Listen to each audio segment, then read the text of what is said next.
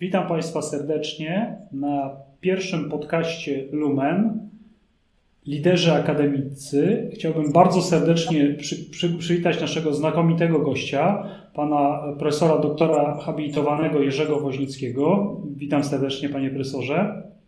Kłaniam się wszystkim, kłaniam się panu profesorowi.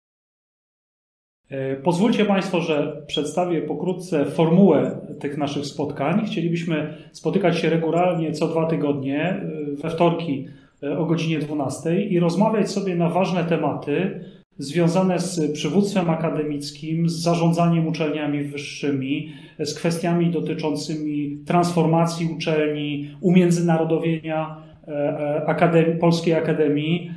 I chcielibyśmy zapraszać znakomite postaci E, szkolnictwa wyższego, po to, żeby rozmawiać o dokonujących się zmianach.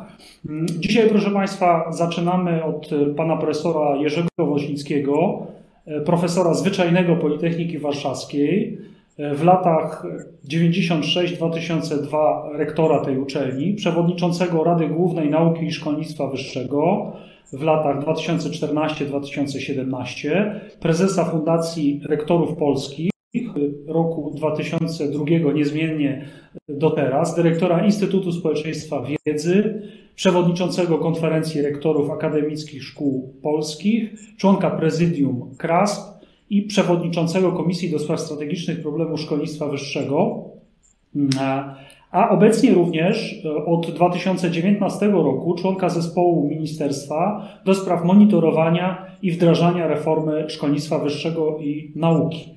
No, z panem profesorem e, rozmowę powinniśmy zacząć od tematu fundamentalnego, tematu strategicznego, a mianowicie e, ładu akademickiego w Polsce, porozmawiać sobie na tematy związane z reformą szkolnictwa wyższego, trochę już z perspektywy, no bo przecież jesteśmy e, od 2018 roku w procesie wdrażania reformy, a wydarzyło się nie tylko zmiany dotyczące zarządzania i kwestii ładu akademickiego, ale też pandemia, która bardzo wiele zmienia, jeśli chodzi o funkcjonowanie uczelni globalnie i, i również w Polsce.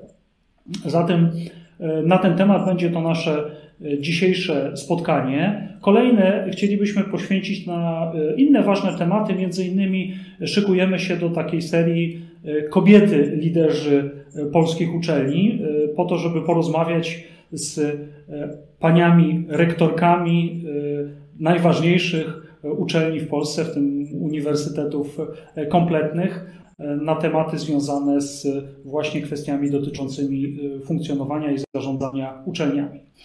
Tymczasem, proszę Państwa, na to nasze dzisiejsze spotkanie mm, chcielibyśmy y, rozpocząć od dyskusji na temat ustawy 2.0. Właściwie można było powiedzieć, że takie główne osie, które pojawiły się po dyskusji związanej z Narodowymi Kongresami Nauki, a więc przy budowaniu pewnego kompromisu środowiskowego, mm, to przede wszystkim kwestie dotyczące e, umiędzynarodowienia nauki, wejścia polskiej nauki na skalę globalną do konkurencji z najważniejszymi uniwersytetami na świecie, e, ale też głębokie zmiany, jeśli chodzi o ład akademicki, związane z wzmocnieniem autonomii uczelni z jednej strony, gdzie e, bardzo wiele decyzji dotyczących sposobu zarządzania uczelnią pozostało już w rękach e, samej uczelni, takiej chociażby jak tworzenie czy też nie wydziałów, podstawowych jednostek organizacyjnych, stworzenie również rad uczelni jako rodzaju takiego ciała, które jednej, z jednej strony zajmuje się doradztwem, ale z drugiej strony jednak jakiegoś rodzaju e, nadzorem nad funkcjonowaniem mm, uczelni w Polsce, przynajmniej uczelni e, niepublicznych. E, zatem osie idące w kierunku umiędzynarodowienia, policzalności i konkurencyjności uczelni. No i właściwie można było postawić pytanie przy okazji ustawy Prawo o szkolnictwie wyższym w 2000 2018 roku pojawiła się też taka nazwa, trochę szumna, Konstytucja dla nauki.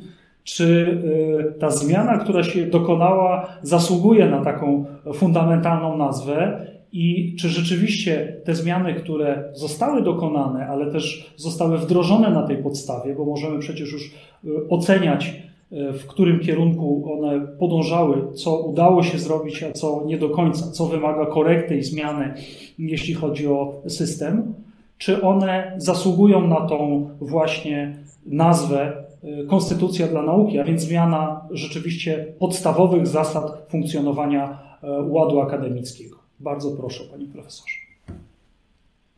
Zacznijmy od tego, że inicjatywa ustawodawcza została ogłoszona przez nowego ministra w 2016 roku, pana y, wicepremiera, również Jarosława Gowina, z wyraźnie z odwołaniem się jako punkt do punktu wyjścia do programu rozwoju szkolnictwa wyższego do roku 2020, e, który KRASP e, ogłosiła po tym, jak został on opracowany przez Fundację Rektorów Polskich właśnie na zlecenie e, KRASP-u uczelni członkowskich. I, I wówczas operowaliśmy nazwą Ustawa 2.0. Nawiązując tutaj do, do, do, do tych E, znaczników 2.0 odnoszonych do innych przestrzeni naszego życia. E, e, czasami niektórzy powiadali, że ustawą 1.0 w tym rozumieniu była ustawa z 2005 roku, której, jakby to powiedzieć, następcą legislacyjnym jest ustawa Prawo o szkolnictwie wyższym i nauce. Tamta ustawa z 2005 roku to była ustawa po raz pierwszy nazywana prawem o szkolnictwie wyższym i jakoś ona stanowiła pierwszy krok w, w kierunkach, które znalazły podtrzymanie w tej nowej ustawie. Ale nowa ustawa, ta z 2018 roku, kolejna, pomijam tu nowelizację, poszła dalej. Poszła dalej i stąd można powiedzieć, że nie tylko jest prawem o szkolnictwie wyższym i nauce, ale jak e, sam, e, sam lider prac nad tą ustawą, pan premier Gowin, uznawał za właściwe ją nazywać, jest wręcz konstytucją dla nauki. Dlaczego to określenie można uznawać za uprawnione? Otóż ta, ta konstytucja dla nauki, ona e, e, skonsolidowała e, kilka aktów prawnych i w jeden, i rzeczywiście objęła swoimi regulacjami nie tylko sferę szkolnictwa wyższego, ale też włączyła te inne ustawy, które e, określały funkcjonowanie badań naukowych sfery nauki, jakbyśmy powiedzieli. A co więcej, połączyła także dwa działy administracji rządowej, przedtem osobne, a dzisiaj e, to jest jeden dział, e, mianowicie szkolnictwo wyższe i naukę. E, I e, no, w tym rozumieniu można mówić, że to jest ustawa e, taka dla nauki. Pod tą nazwą dzisiaj rozumiemy też szkolnictwo wyższe, konstytutywna, można powiedzieć rzeczywiście konstytucyjna. W ogóle o tej ustawie warto powiedzieć może jeszcze kilka słów, ponieważ wiele osób zna jej wybrane treści, czasem je krytykuje, czasem afirmuje ale, ale warto operować jednak pewnym uogólnieniem, uogólnionym spojrzeniem na tę ustawę. Więc po pierwsze, odnotujmy tutaj, że ten dylemat, przed jakim staje ustawodawca, ile w jego regulacjach ma być e, e, tego, co się nazywa rozliczalnością uczelni, która jest podstawą działań legislacyjnych, a ile poszukiwania odpowiedzialności w rozumieniu odpowiedzialności społecznej w uczelni. To są dwa różne podejścia do oceny prac, do oceny funkcjonowania uczelni, do oceny funkcjonowania szkolnictwa wyższego. E, o ile ustawa e, e, z 2005 roku wyraźnie eksponowała tę społeczną odpowiedzialność uczelni, o tyle ta ustawa z 2018 roku przesuwa ten punkt równowagi w kierunku rozliczalności, po angielsku to się mówi accountability, i, i, i to rodzi ten skutek w postaci potrzeby wprowadzania wtedy e, e, e, mierników, wskaźników, miar, którymi się ocenia uczelni, żeby ją rozliczyć. E, e, e, to ma tę zaletę, że obiektywizuje proces oceny i porównywania uczelni, nawiązuje do trendów międzynarodowych i pozwala nam posadowić polskie szkolnictwo wyższe no, w świecie, można tak powiedzieć, gdzie jesteśmy, nie tylko uczelnie, ale system szkolnictwa wyższego.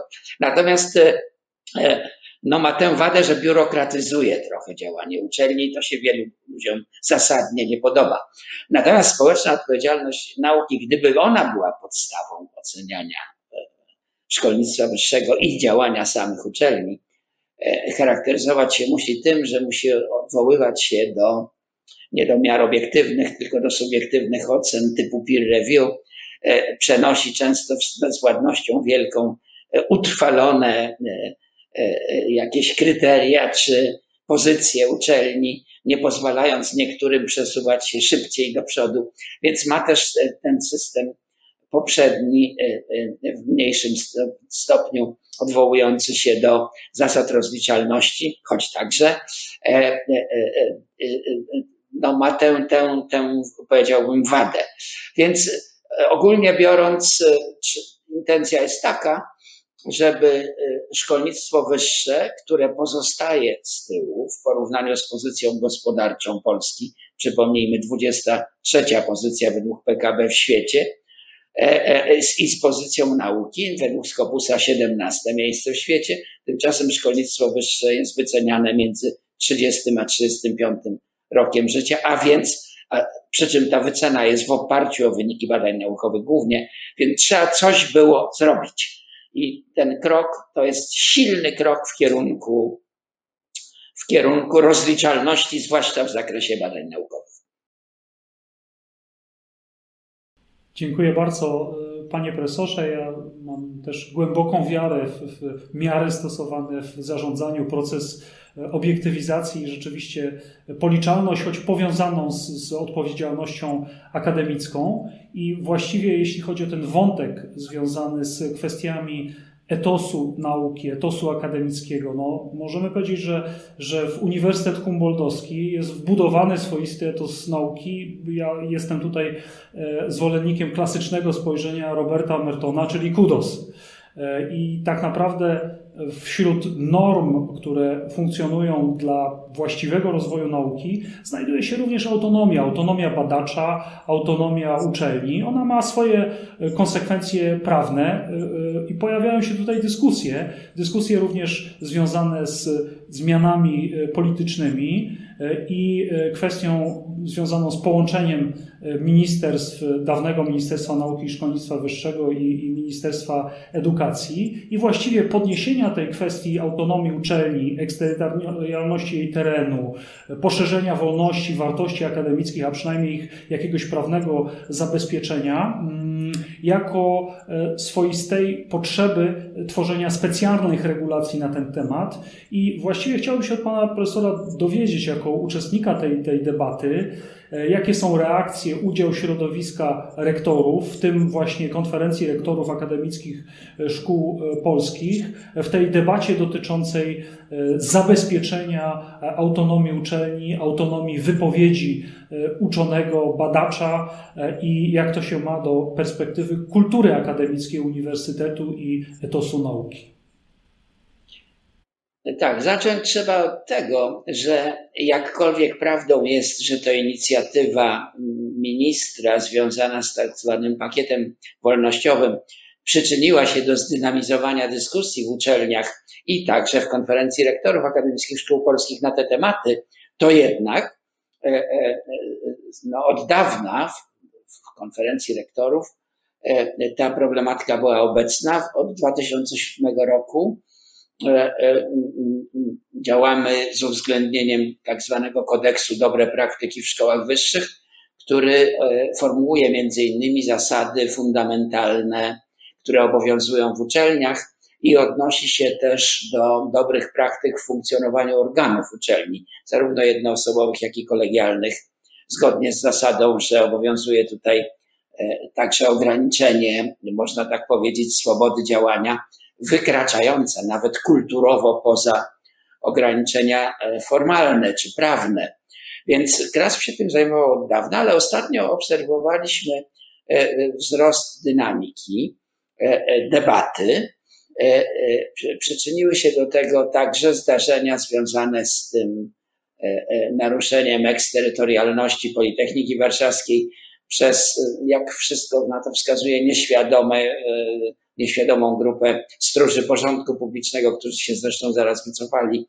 Więc to zrodziło potrzebę takiej dyskusji. I cóż Kras poczynił? W listopadzie Zgromadzenie Plenarne uchwaliło obszerne taki dokument, stanowisko, stanowisko w sprawie tych wolności i wartości akademickich, które e, e, zapraszało też w końcowej części e, ministra odpowiedzialnego za szkolnictwo wyższe i naukę do debaty i udziale, udziału w debacie na ten temat. W grudniu pojawiło się kolejne stanowisko, w styczniu także pojawiła się ekspertyza wtedy związana z, z taką inicjatywą ministra w sprawie tego pakietu wolnościowego. No i wreszcie w lutym e, już tego roku wszystko e, e, prezydium KRAS przyjęło propozycję do kodeksu etyki nauczyciela akademickiego, które nawiązują do kodeksu etyki badacza czy, czy w nauce, uchwalonego przez Zgromadzenie Ogólne Polskiej Akademii Nauk, no ale z natury rzeczy tamten dokument nie eksponował roli nauczyciela w procesie dydaktycznym. I Kras, można powiedzieć, dodaje tutaj pewne własne refleksje w tej sprawie, e, odnosząc to e, e, zarówno do kwestii rzetelności w procesie dydaktycznym, nie tylko przecież oczekujemy rzetelności w badaniach naukowych, a także uwarunkowań kulturowych związanych z relacją nauczyciel akademicki studenci. I to jest dokument już gotowy, przyjęty i uzupełni on kodeks dobre praktyki w szkołach wyższych. Więc powiedziałbym, że to jest nieprawda, że etos akademicki jako regulator w, szkołach wyższych e, gaśnie. E, e, myślę, że to się nie dzieje i myślę, że oczywiście nie dotyczy to może wszystkich w jednakowym stopniu, ale jednak przywiązanie do etosu wartości i wolności akademickich jest znaczne. Wyjaśnienia wymaga jednak, e, e, może słowo, słowo komentarza w tej sprawie, pojęcie autonomii uczelni, albowiem e, trzeba odróżnić tutaj autonomię instytucjonalną, która dotyczy swobody działania organów uczelni bez zewnętrznych nacisków i wpływów, od autonomii społeczności akademickiej, którą dzisiaj określamy na gruncie ustawy wspólnotą uczelni. I to jest inny rodzaj autonomii, inaczej adresowany. Y, chodzi tu zwłaszcza o uprawnienie do, do y, korzystania ze swobód twórczych w procesie badań naukowych i ogłaszania ich wyników. E, jeżeli uniwersytet, a tak właśnie jest, jest społecznością i wspólnotą twórców już od średniowiecza, e, to oczywiście twórca wymaga e, poszanowania jego autonomii twórczej i rodzi to, to jest jedna z fundamentalnych podstaw tej, tej zasady autonomii uczelni. To nie jest żaden prezent. To nie jest coś, co darowują nam rządy w XX czy XXI wieku. To jest fundament uniwersytetu od jego początków e, e, i e, on jest, pozostaje w, w, w świecie akademickim można tak powiedzieć, kluczowym e, narzędziem osiągania, realizowania, osiągania celów uniwersytetu, realizowania jego misji. Więc e, e, rektor, rektor jest taką instytucją powołaną do tego, żeby być strażnikiem tej autonomii. Dziękuję bardzo, panie profesorze. Ja jestem zwolennikiem takiej słynnej tezy Petera Druckera, guru zarządzania, że właściwie kultura zjada strategię na śniadanie. W związku z czym absolutnie zgadzam się z poglądem takim, że w ogóle w świecie organizacyjnym, nie tylko tak organizacji tak etosowych jak uniwersytety, często jest właśnie prymat kultury, wartości nad rozwiązaniami zaplanowanymi, celowymi, takimi jak strategia. E, ale wydaje mi się, że warto też przejść do wątku związanego z e, wdrażaniem zmian które dokonują się współcześnie i są tutaj w Polsce próbą no, wyciągnięcia wniosków z, tej, z początków tej reformy w 2018 roku i jej wdrażania w kolejnych latach. Chciałbym pana profesora zapytać o taką pierwszą ocenę tego, co się dzieje, jeśli chodzi o zmiany proponowane przez ministerstwo E, i w którym kierunku one podążają i jaka jest tutaj ocena środowiska e, akademickiego. Przede wszystkim mam na myśli konferencję rektorów akademickich szkół polskich i Fundację Rektorów Polskich. Tak, no, taka refleksja, która nam towarzyszy od dziesiątków lat, e, gdy myślimy o urządzeniu tej sfery governance w szkolnictwie wyższym, a zwłaszcza na poziomie instytucji, Mianowicie, gdzie powinniśmy poszukiwać równowagi, gdzie ją położyć, gdzie ją przesądzić. E, e, równowagi, jeżeli chodzi o jakieś dylematy takie typowe dla tej sfery. No i ja bym wymienił tutaj e, dwa. Ile, ile kolegialności, ile jednoosobowości powinno być we władaniu uniwersytetem. I to jest E, bardzo, bardzo taki ważny, e, ważny problem. Mieliśmy do czynienia, można powiedzieć, na podstawie ustawy z 90 roku z odruchem nadkolegialności. Znaczy organy kolegialne dominowały życie uniwersyteckie. E, rektorzy no właściwie nie mogli wielu przedsięwzięć takich, których uczelnie wymagały, realizować z powodu konserwatywnej, można powiedzieć, postawy z natury rzeczy konserwatywnej organów kolegialnych, które, których członkowie nie lubią zmiany. E, no i e,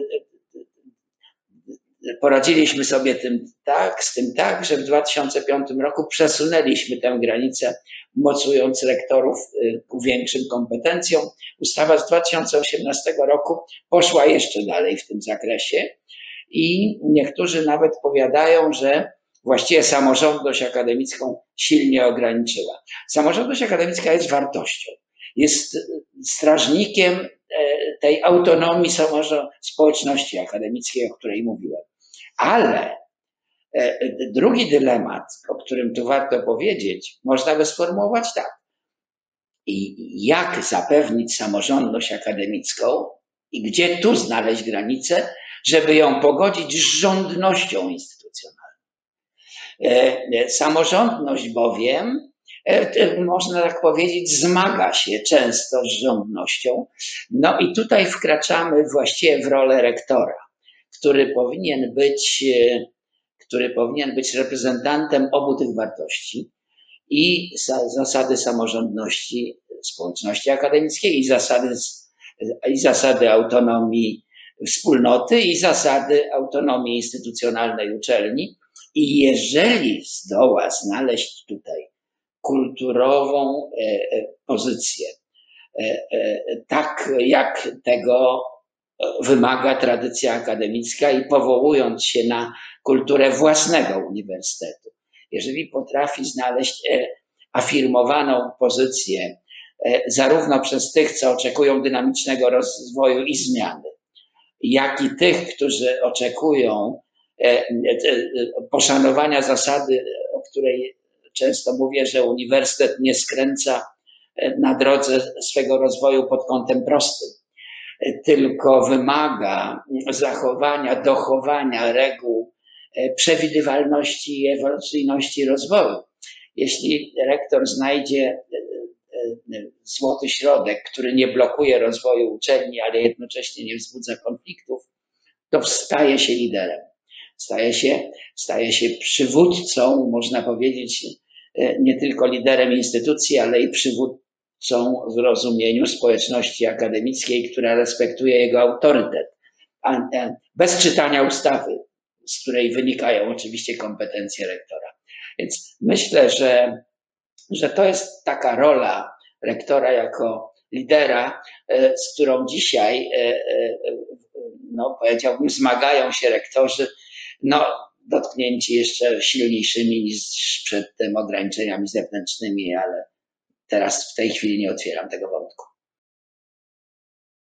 Dziękuję bardzo. Pan profesor zresztą propaguje taką tezę na temat sztuki rektorstwa, którą przynajmniej jak ją rozumiem z książki pana profesora, to jest rodzaj przywództwa transformacyjnego, no a przywództwo, podobnie zresztą jak zarządzanie, ma w sobie oczywiście kanon e, nauki, e, ale jest jednocześnie, można powiedzieć, i sztuką, i rzemiosłem e, oprócz tego. I właściwie można było postawić pytanie w warunkach dokonującej się takiej głębokiej transformacji ładu akademickiego z jednej strony, a z drugiej strony kryzysu covidowego, który ma charakter globalny. Jaka jest tutaj rola tych liderów transformacyjnych, rektorów, e, odpowiedzialnych za e, stabilne funkcjonowanie e, swoich uczelni i, odpowiedzialnych za ich rozwój. No tutaj rektor zderza się z, z, z nową odpowiedzialnością, która, która wymaga czegoś więcej niż tylko uznania jego autorytetu oczekuje się od rektora, że będzie on miał zaufanie w uczelni, ponieważ rozwiązywanie problemów niekonwencjonalnych, z którymi się przedtem nie zetknęliśmy, a COVID przyniósł wiele takich problemów, e, wymaga, tym, znaczy tym łatwiej można je rozwiązywać, te problemy, im więcej zaufania towarzyszy działaniom kadr kierowniczych w ogóle, a z rektorem jako liderem E, na czele. E, I e, brak zaufania prowadziłby tutaj do, do zachowań, które w mniejszym czy większym stopniu byłyby destrukcyjne, narażałyby innych członków wspólnoty. Czasami to się dzieje w, w społeczeństwie, że obserwujemy takie postawy. Na szczęście muszę powiedzieć, że podsumowanie tych dwóch lat 2020-2021 w, w, w tych uwarunkowań covidowych wypada pozytywnie dla, dla uczelni, dla wspólnot akademickich, dla, e, wreszcie dla rektorów. E, skutecznie broni, obroniliśmy uczelnię przed jakimiś falami zachorowań w 2020 roku.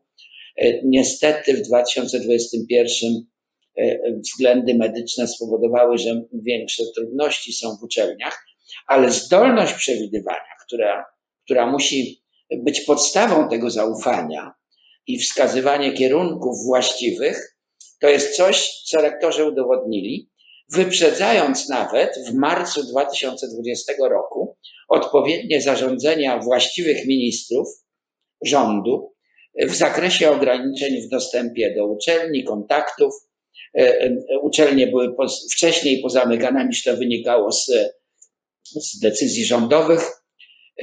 E, bardzo szybko i sprawnie zorganizowane zostało kształcenie na odległość.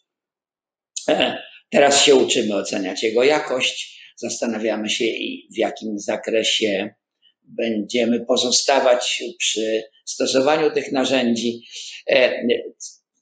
rodzą się pytania o, trwałość e, hybrydowych tutaj rozwiązań. E, e, ja osobiście jestem zdania, że jednak przywiązanie do tej tradycyjnej, jeszcze średniowiecznej relacji mistrz-uczeń albo uczniowie-mistrz, dzisiaj częściej niż pojedynczy uczeń, że ono jednak będzie rodzić potrzebę powrotu do tych kontaktów bezpośrednich, podobnie jak Uczelnia przygotowuje też do życia we wspólnocie, w społeczeństwie, do obywatelstwa. I to wszystko wymaga kontaktów międzyludzkich, działania w organizacjach, w tym studenckich. Jednym słowem, mamy silne, silną potrzebę przywróca, przywracania tych osobistych, osobistych relacji i także kierowanie uczelnią. Widać, że szeroko rozumiana kadra kierownicza chciałaby mieć ze sobą bliższy kontakt. Więc my troszkę, e, e, e, no, można tak powiedzieć, tęsknimy za tą normalnością, i, która będzie nową normalnością, ale chcielibyśmy, żeby była możliwie dotychczasową normalnością i zachować chcielibyśmy te wartości, które nam kiedyś towarzyszyły. Podsumowując, powiedziałbym, że uczelnie wyszły obronną ręką.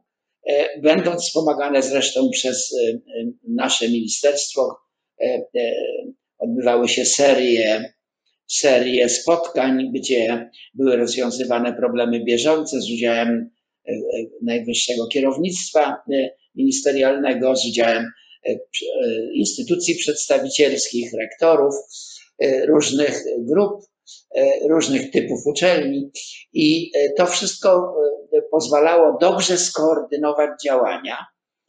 I dzisiaj jesteśmy trochę tego beneficjentem bez względu na to, że uczelnie potrzebowały, jak to się mówi, pilnego wyszczepienia nauczycieli akademickich.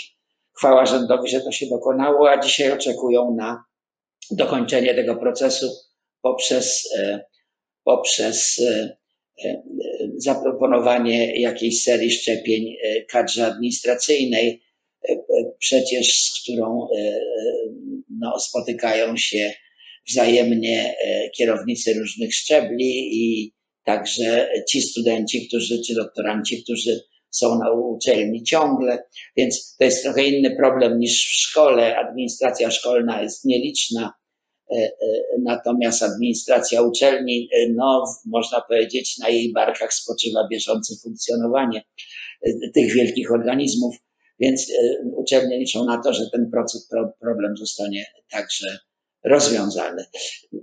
Od przyszłego roku akademickiego, jak zakładamy, będzie można powiedzieć, hybryda zacznie być królową uczelni.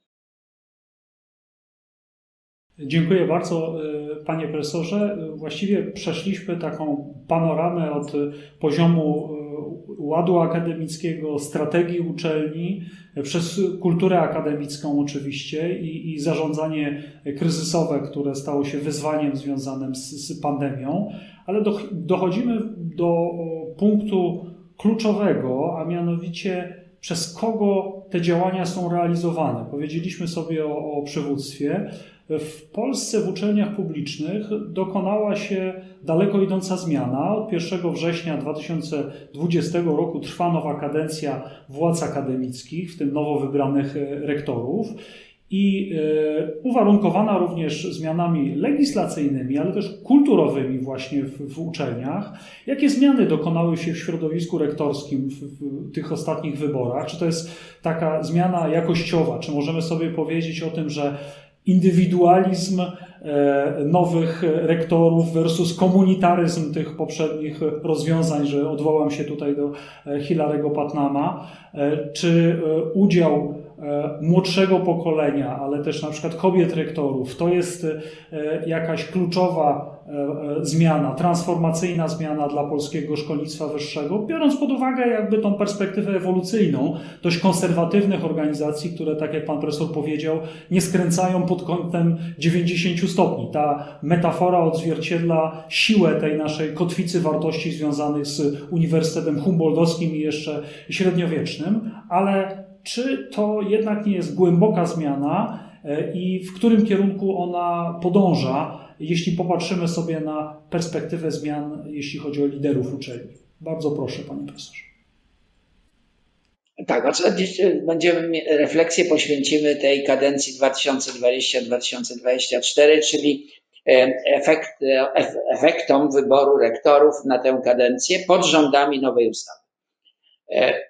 No to najpierw spójrzmy tak na, na, na fotografię tej zmiany.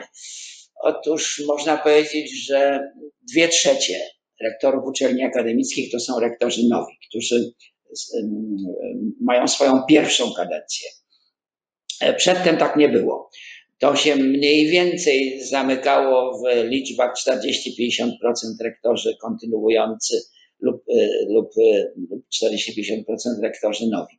Dzisiaj mamy około 70% nowych rektorów i Druga zmiana, warta odnotowania, zamiast y, jednego do 3% y, rektorów kobiet, dzisiaj mamy około 15%.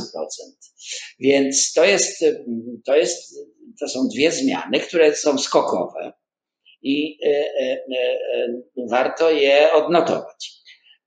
Zmiana pierwsza wiąże się z rygorem, jakiemu poddano proces wyborczy, wprowadzając kryterium dla kandydatów na funkcję rektora e, e, wiekiem 67 lat. Przedtem to było 70 lat i to jest poważna zmiana, bo ona uniemożliwiła, uniemożliwiła kandydowanie niektórym rektorom, dla których by to była druga kadencja. Natomiast zmiana związana ze wzrostem liczby kobiet nie jest wymuszona przez żadną ustawę, tylko ma charakter kulturowy i trzeba to odnotować z, z najwyższym uznaniem. E, e, jak można by teraz ocenić tę, nazwijmy to tak, młodzież rektorską? No bo mamy do czynienia oczywiście z obniżeniem się średniego wieku. E, ja mógłbym podać przykład z własnego podwórka. Fundacja Rektorów Polskich prowadzi szkoły dla, szkoły letnie dla rektorów e, i prorektorów e, w zakresie zarządzania strategicznego w szkolnictwie wyższym. I zapraszamy zwykle właśnie na przełomie kadencji rektorów nowej kadencji do udziału w takich czterodniowych posiedzeniach, obradach, panelach itd., tak itd. No i mogę powiedzieć, że e, e, pomimo ograniczeń covidowych, we wrześniu 2020 roku e, zorganizowana przez nas szkoła przy fizycznej obecności, co było możliwe w warunkach ograniczeń epidemicznych, fizycznej obecności uczestników, przyniosła wymnożenie ich liczby co najmniej przez półtora. To znaczy 50 rektorów z kilkunastu ośrodków akademickich i z 35 uczelni wzięło udział dobrowolnie w tym, e, bo to jest opcja do, do udziału w, te, w, tej, w, tej, w tym naszym przedsięwzięciu. Oznacza to silne zainteresowanie doskonaleniem swojego warsztatu rektorskiego, poszerzaniem swojej wiedzy o kontekście działania, wychodzeniem poza e, e, własny gabinet czy czy, czy mury własnej uczelni z oglądem rzeczywistości i z uwspólnianiem spojrzenia na sprawy, z, tym, z tą intencją uwspólniania spojrzenia na sprawy z, e, z kolegami, koleżankami w rektorstwie. To jest, trzeba to odnotować pozytywnie. I to świadczy o jakimś, e, jakiejś takiej większej witalności może tego środowiska tych młodszych rektorów, ale też o ich ambicji, żeby coś uczynić.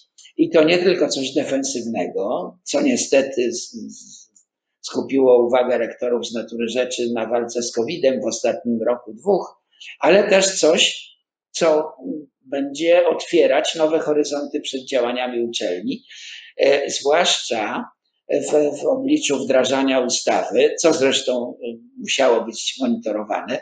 Wspomniał pan profesor o mojej roli w zespole monitorującym, działającym w ministerstwie. Ta rola już się wypełniła z końcem roku 2020, ponieważ no, zespół został zawiązany i rozumiany przez nas jako zespół, który monitoruje wdrażanie ustawy e, w pierwszym okresie funkcjonowania jej, a więc do końca tej poprzedniej kadencji. Natomiast ten proces monitorowania pokazał, że rektorzy sobie dobrze radzą. Wszystkie statuty zostały uchwalone w terminie. E, zostały poddane ocenie. Można powiedzieć, że nie wszystkie przestrzenie otwarte dla zmiany w uczelniach zostały już zajęte, obsadzone, e, że jeszcze ciągle e, mamy ewolucję w procesie wprowadzania zmian do, dozwolonych przez nową ustawę.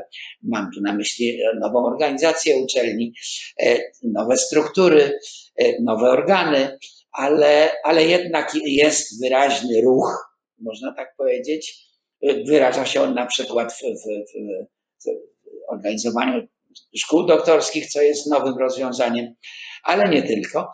Więc, więc ogólnie biorąc, jestem przekonany o właściwym kierunku, w jakim podążamy.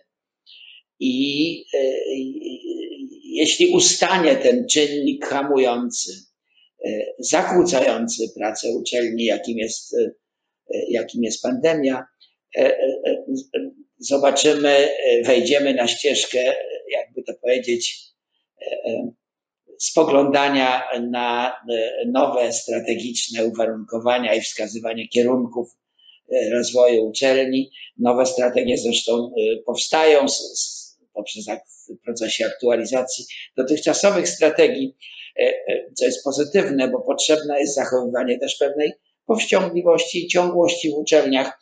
Więc wbrew COVID-owi nowe strategie są uchwalane. Co więcej, mamy pozytywną realizację tej inicjatywy ustawowej powstawania w procesie konkursu, wyłaniania, wyłaniania tych liderów doskonałości w działaniu uczelni.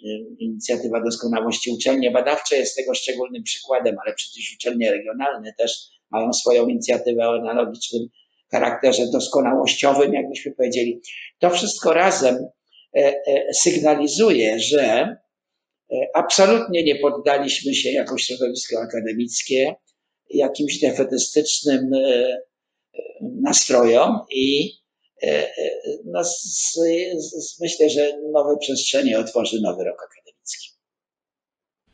Dziękuję bardzo. Podzielam pogląd y, pana profesora, będąc również uczestnikiem tego środowiska naukowego. Mam wrażenie, że badania naukowe, międzynarodowe badania, publikacje, tak z perspektywy e, nauk społecznych, jestem specjalistą od e, nauk o zarządzaniu i jakości, one no, wręcz w niektórych obszarach się zdynamizowały, korzystając z upowszechnienia tych form kontaktów zdalnych i, i wspólnej e, pracy zdalnej. Aczkolwiek z wytęsknieniem czekamy również na możliwość realizacji dydaktyki i, i współpracy naukowej w kontakcie.